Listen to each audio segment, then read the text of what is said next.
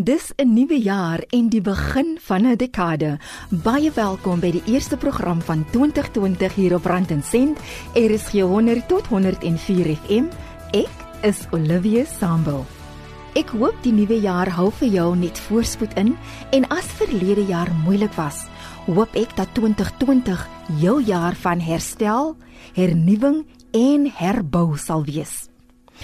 Pretoria is 'n studentestad met verskeie colleges en ook die tuiste van die Universiteit van Pretoria waar studente van reg oor die land kom om te studeer.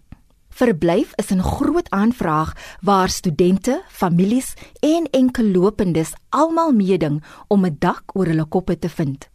Justin van der Berg is mede-eienaar van The Hive in Hatfield in Pretoria waar hulle behuising aan studente bied.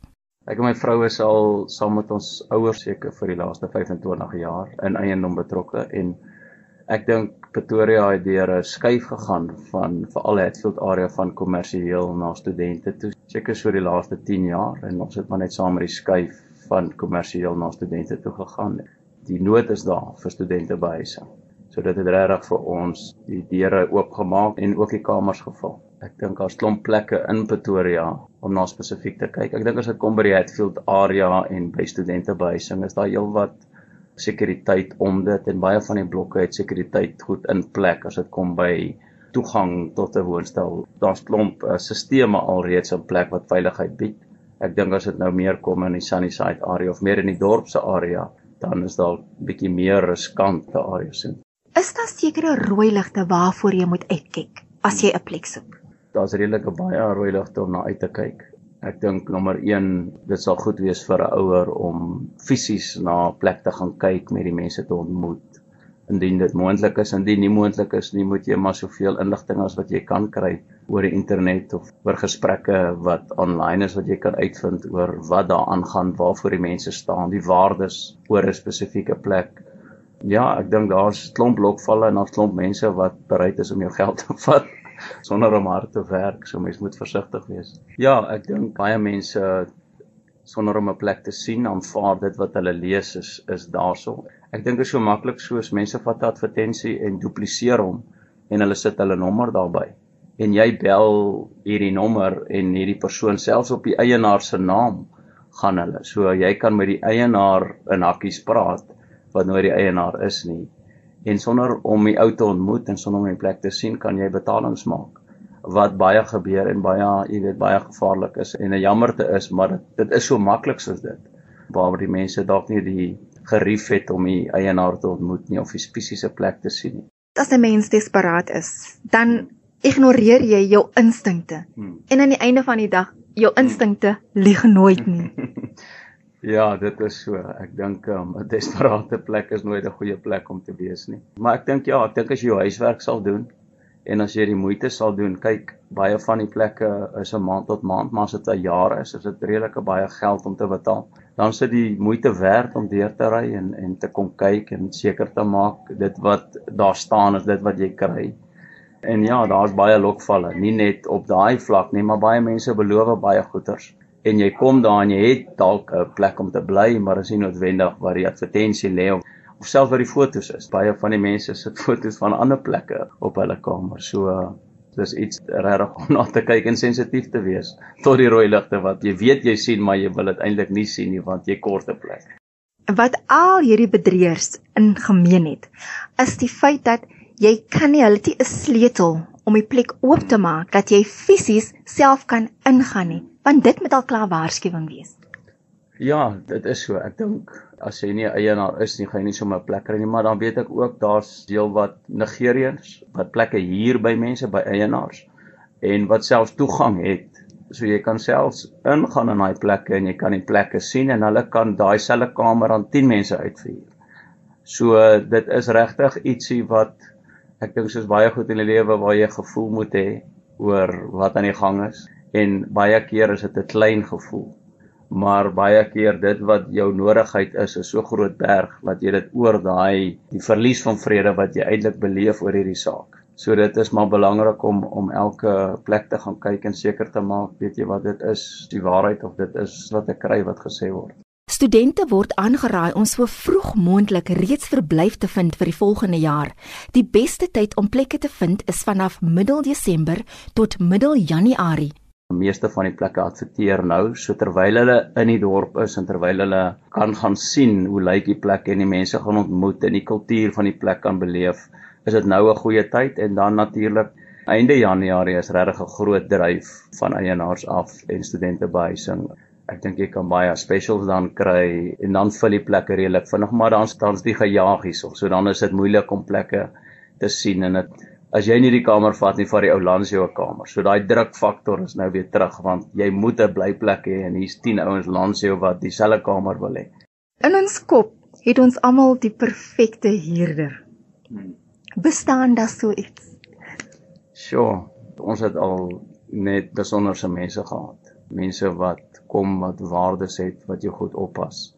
So perfek weet ek nie van nie, maar goeie huurders ja, dit is definitief daar. Daar's daar's mense wat net waardeer wat hulle kry en dit is 'n plesier van eienaar se kant af om sulke tipe mense en ek dink die eer gaan dan na die ouers toe vir wat hierdie student of hierdie kind kom en hulle het die vryheid en tog kies hulle om net sekere waardes toe te pas. Dit is skaars. So jy sien dit as jy dit sien. Justin het net so 'n belangrike punt aangeraak. Die waardes wat 'n mens by die huis leer, goed of sleg. Hmm. Dit gaan jou agtervolg vir die res ja, ja. van jou lewe en jy sien dit op 'n daglikse ja, basis. Ja.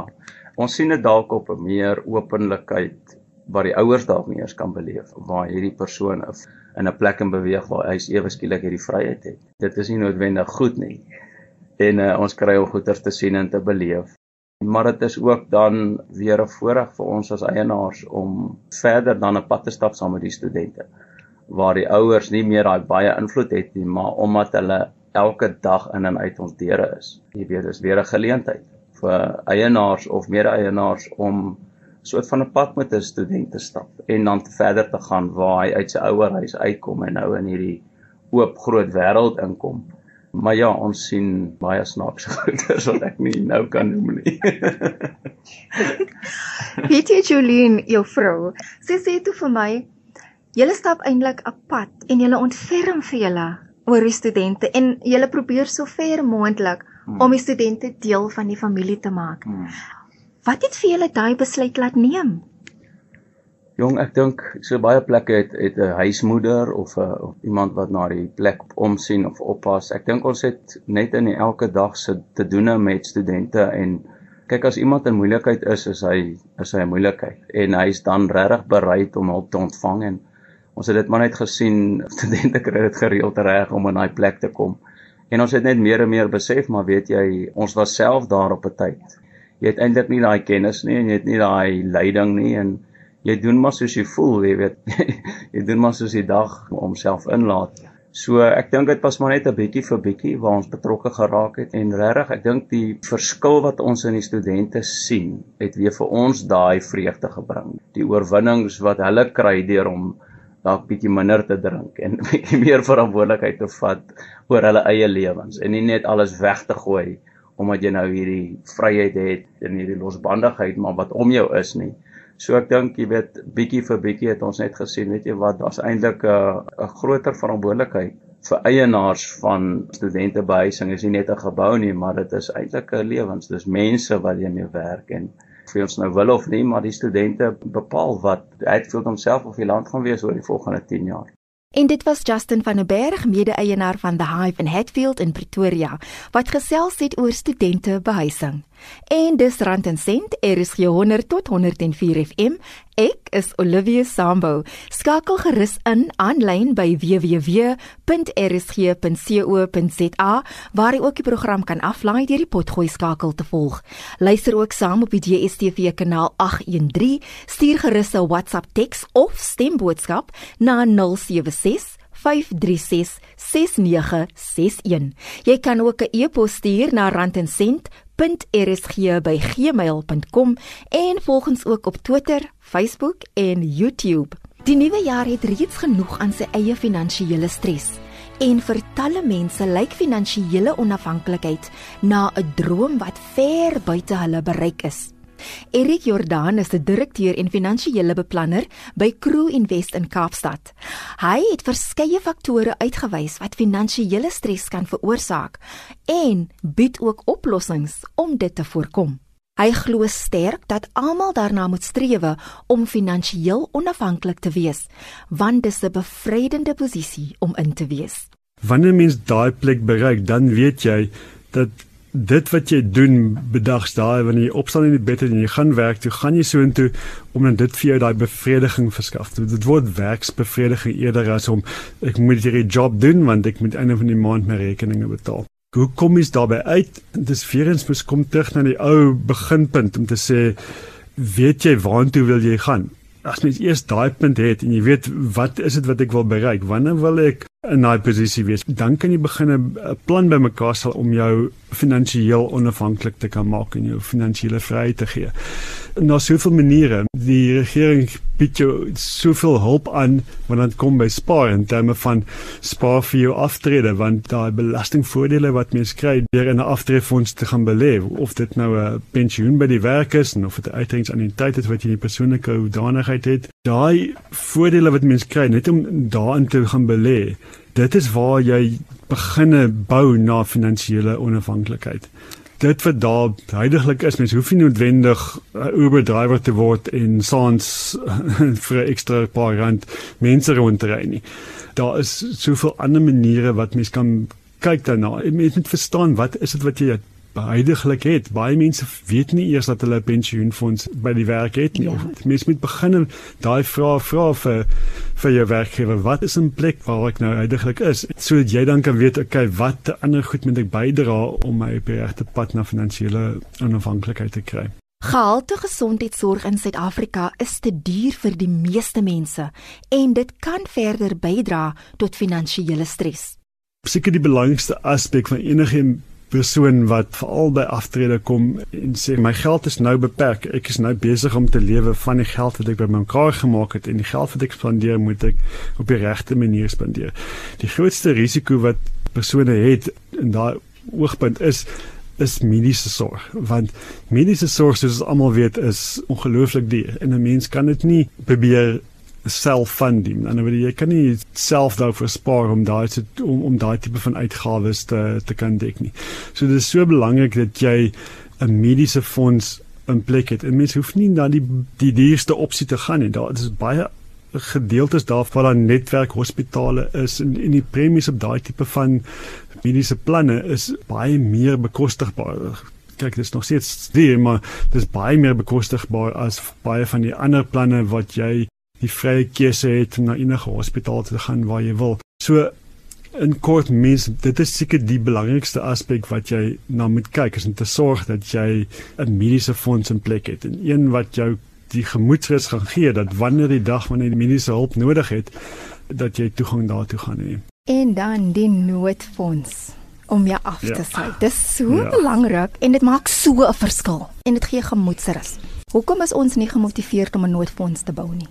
Eerens dit kom terug daarop is om 'n dissipline te hê om dan noodfonds op te bou. Is so moeilik want daar is so baie ander aspekte waarna mense waar jy jou geld wil gaan spandeer. Maar wanneer mense die voordeel kan sien van hoekom kom moet ek 'n noodfonds hê? En waarvoor is 'n noodfonds? Is om genoeg geld te hê om daai onvoorsiene uitgawes wat jy vinnig geld voor nodig het te kan dek sonder dat jy noodwendig jou kredietkaart daarvoor moet gaan moet gebruik. Want dit gee vir jou daai gemoedsrus om te sê as iets gebeur, as my kan nuwe bande nodig het, ek het beplan daarvoor, die geld is daarso en ek kan dit daarvoor gebruik eerder as om ag kom ons sit net gou vinnig weer op die kredietkaart en dis nou 'n ekstra 5000 of 6000 rand later wat ek nou dieper in die skuld is. En dan daar's baie ander aspekte van hoe mens 'n noodfonds kan begin. Baie banke deesdae gee vir die opsie om op jou internetbank 'n uh, aparte spaar as 'n gedeelte te hê en jy kan maandeliks sê welkom ek skuif R500 'n maand wat ek daar gaan insit. Oor 'n jaar of 2 is daar genoeg geld daar opgebou sodat jy weet nou is ek gemaklik ek het genoeg kontant daarso vir my noodfonds wat ek kan gebruik vir hierdie onvoorsiene gebeurlikhede. So gesels Erik Jordaan van Crew Invest in Kaapstad. Januarie is die maand van skoolfooie, registrasiefooie, uniforms en skryfbehoeftes. Hoe beplan jy om nie te val in die struik van te min geld en te veel uitgawes vir Januarie nie?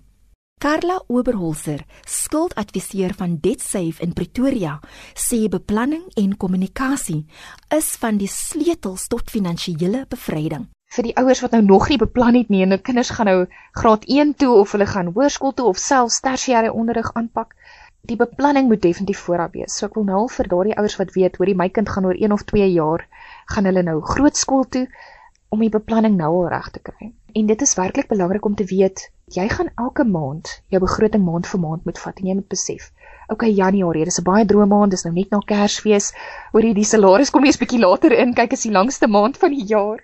Hoe gaan ek dit aanpak? Wat gaan ek doen? En weer eens, daai kommunikasie moet daar wees met jou, jou man, jou gesin, die nabye familie wat ook dan nou deelneem en byvoorbeeld dalk afhanklik is is van jou, dat hulle die groter prentjie ken van Januarie maand en weet, okay, julle, hierdie jaar moet ons nou skooluniforms koop. Hierdie jaar kort sissie kouse en boetie korte broek. Of jy weet, en later moet ons ook kyk na moontlik wintersklere. So ek dink is regtig belangrik om begrotings maand vir maand te vat en dan Februarie bring dalk nou weer hierdie nuwe ding. Of Maart maand is nou weer almal se verjaarsdae. Dit gebeur nou toevallig in jou gesin dat dit nou verjaarsdae is. Ek wil mense nie ongemaklik maak en sê ag hoor jy alles is nou te veel. Ek wil nou net begin uitbars in trane nie want alles is net te veel vir my om aan te pak. Maar wanneer dit kom by die beplanning van die maand doen dit 'n maand vooraf of langer vooraf as jy nou al in November kon beplan vir Januarie. Dit is 'n baie goeie ding. Asseblief moenie te hard wees op jouself nie maar begin net beter te beplan. As Januarie nou klaar al vir jou 'n kop seer is kyk wat kan jy nog aan die situasie doen so dis altyd beter om dan te kyk OK, waar kan ek dan nou 'n ekstra inkomste kry? Of waar kan ek dan nou my skuld minder maak?